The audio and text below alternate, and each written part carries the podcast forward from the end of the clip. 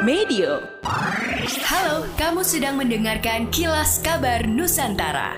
Podcast persembahan KG Radio Network menyajikan berita harian yang mengangkat keunikan dari berbagai wilayah Indonesia. Kilas Kabar Nusantara dapat juga didukung oleh pengiklan loh.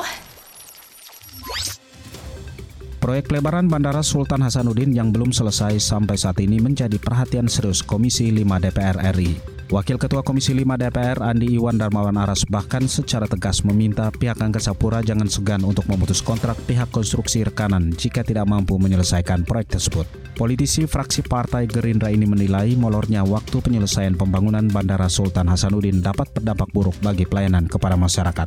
Terlebih pelebaran Bandara Sultan Hasanuddin merupakan proyek strategis nasional PSN. Sebelumnya proses pelebaran Bandara Sultan Hasanuddin di Makassar tertunda diakibatkan oleh kesulitan kondisi keuangan Angkasa Pura I imbas dari pandemi COVID-19. Selvi Hadari menggantikan Kajari sebelumnya yang diemban oleh Edi Sumarman. Sebelum menjadi Kajari Kepuas Hulu, Selvi Hadari juga pernah menjadi Kepala Seksi Intel Kejaksaan Negeri Blitar. Sebagai pejabat publik, Selvi Hadari pun diamanahkan untuk melaporkan harta kekayaannya kepada negara. Hal ini sesuai dengan Undang-Undang Nomor 28 Tahun 1999 tentang penyelenggara negara yang bersih dan bebas dari korupsi, kolusi, dan nepotisme. Laporan harta kekayaan pejabat negara atau LHKPN sendiri menjadi bagian penting upaya mencegah tindak korupsi.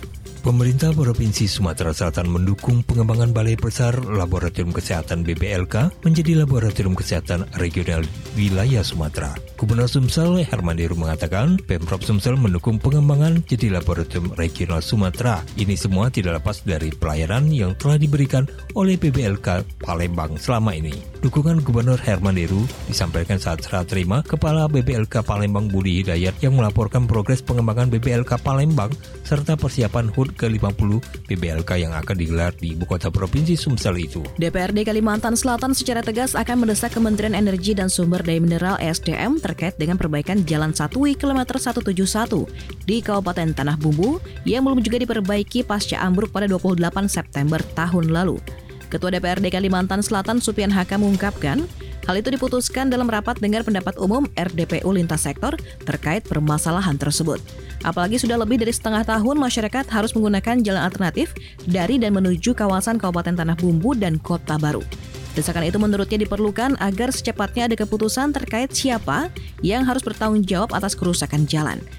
Demikianlah kilas kabar Nusantara pagi ini.